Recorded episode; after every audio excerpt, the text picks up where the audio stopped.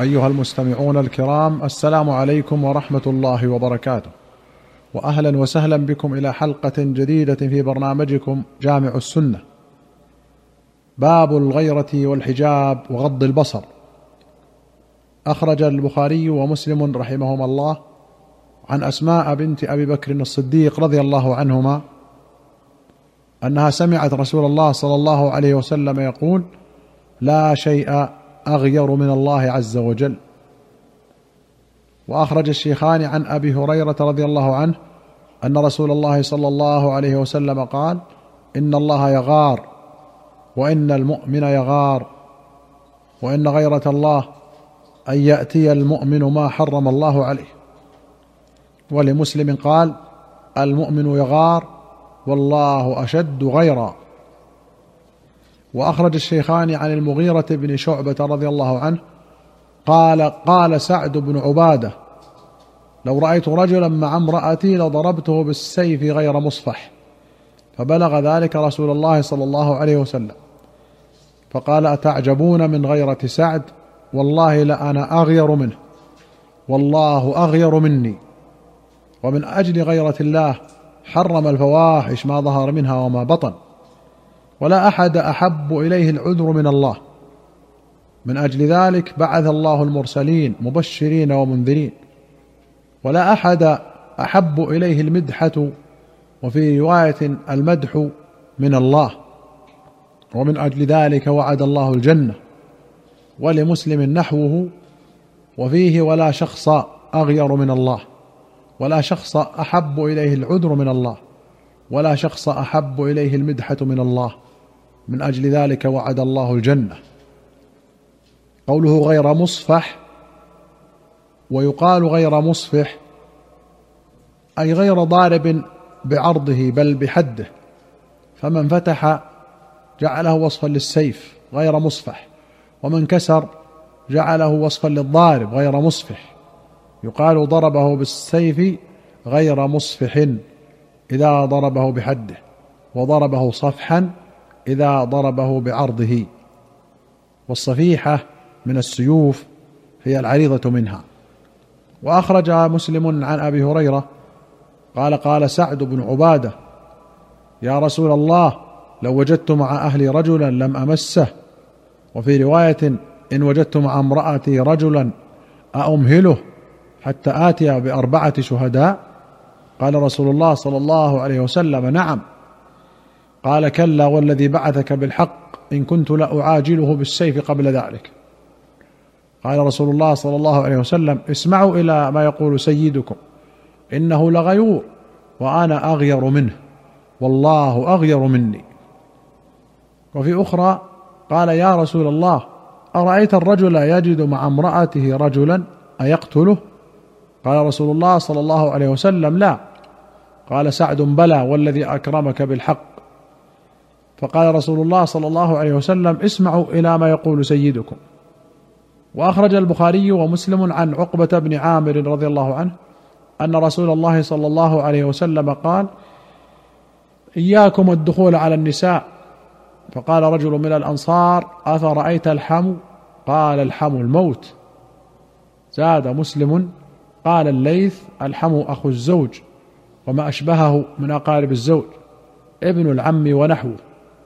وأخرج مسلم عن جابر قال قال رسول الله صلى الله عليه وسلم ألا لا يبيتن رجل عند امرأة ثيب إلا أن يكون ناكحا أو ذا محرم.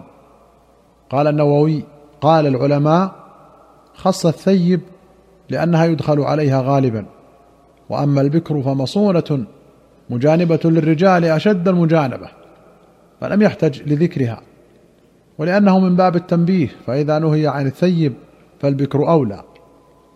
وفي هذا الحديث والأحاديث قبله تحريم الخلوة بالأجنبية وإباحة الخلوة بمحارمها وهذان الأمران مجمع عليهما. وأخرج مسلم عن عبد الله بن عامر بن العاص رضي الله عنهما أن نفرا من بني هاشم دخلوا على أسماء بنت عميس فدخل أبو بكر وهي تحته يومئذ فرآهم فكره ذلك. فذكره لرسول الله صلى الله عليه وسلم وقال لم أر إلا خيرا. فقال رسول الله صلى الله عليه وسلم إن الله قد برأها من ذلك. ثم قام رسول الله صلى الله عليه وسلم على المنبر فقال لا يدخلن رجل بعد يوم هذا على مغيبة إلا ومعه رجل أو اثنان. المغيبة الغائب زوجها عن منزلها مسافرا كان أو حاضرا في البلد كما يدل هذا الحديث. فإن حضرها فهي مشهد بغيرها. قال النووي ظاهر هذا الحديث جواز خلوة الرجلين أو الثلاثة بالأجنبية. والمشهور عند أصحابنا تحريمه. فيتأول الحديث على جماعة يبعد وقوع المواطأة منهم على الفاحشة لصلاحهم أو مروءتهم أو غير ذلك. وقد أشار القاضي إلى نحو هذا التأويل. وأخرج مسلم عن بريدة بن الحصيب الأسلمي رضي الله عنه قال قال رسول الله صلى الله عليه وسلم حرمة نساء المجاهدين على القاعدين كحرمة أمهاتهم. وما من رجل من القاعدين يخلف رجلا من المجاهدين في أهله فيخونه فيهم إلا وقف له يوم القيامة فيأخذ من عمله ما شاء.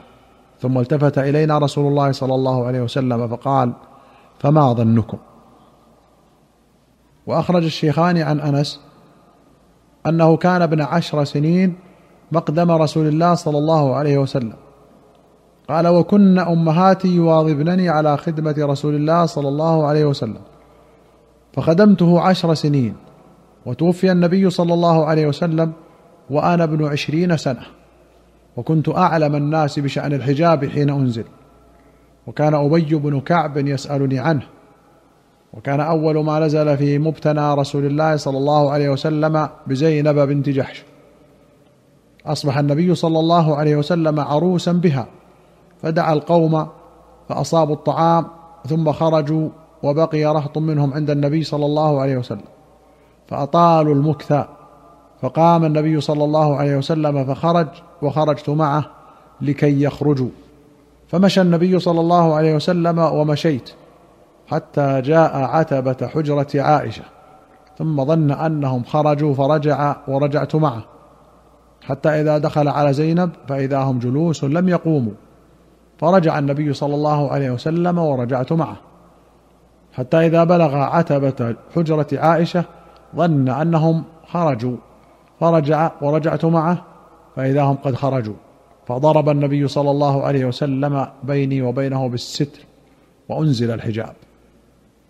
وأخرج البخاري ومسلم عن أم سلمة رضي الله عنها أن النبي صلى الله عليه وسلم كان عندها وفي البيت مخنث فقال لعبد الله بن أبي أمية أخي أم سلمة يا عبد الله إن فتح الله لكم غدا الطائف فإني أدلك على ابنة غيلان فإنها تقبل بأربع وتدبر بثمان.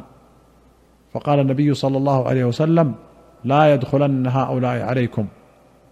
ولمسلم عن عائشة قالت كان يدخل على أزواج النبي صلى الله عليه وسلم مخنث وكانوا يعدونه من غير أولي الإربة فدخل رسول الله صلى الله عليه وسلم يوما وهو عند بعض نسائه وهو ينعت امرأة قال إذا أقبلت أقبلت بأربع وإذا أدبرت أدبرت بثمان. فقال النبي صلى الله عليه وسلم ألا أرى هذا يعرف ما ها هنا؟ لا يدخلن عليكم. فحجبوه.